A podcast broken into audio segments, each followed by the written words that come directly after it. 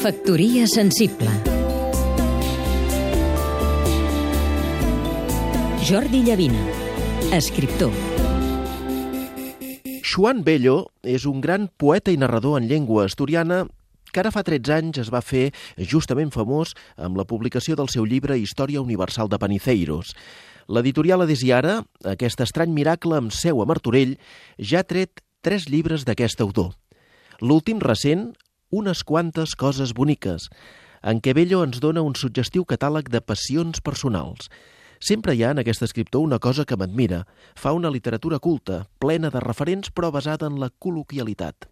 Una literatura, pel que fa a la prosa, que té molt en compte l'oralitat, el gust de les narracions tradicionals. Joan Bello, que abans que escriptor va voler ser cartògraf, assegura que l'important no és tant el que es busca, sinó el que es troba tot buscant.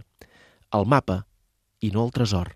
És una literatura que es nodreix i molt de la memòria.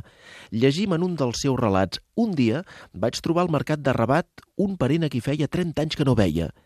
Em va preguntar què havia fet en tot aquest temps i jo li vaig respondre recordar, noi, recordar. Llegir Joan Bello és una experiència molt plaent. És, per entendre'ns, un Sebal o un Magris a l'Asturiana. Poeta, per damunt de tot. La limitació ens acosta a l'essencialitat, escriu, tot definint la poesia. Home culte i amant de la vida, en aquest llibre recorda l'experiència de descobrir una font vora el seu poble i signa unes pàgines magnífiques de lluança dels ponts. Un pont es construeix sobre el buit, sobre l'aigua que corre, per tant, sobre el temps. Tu hi passes per sobre.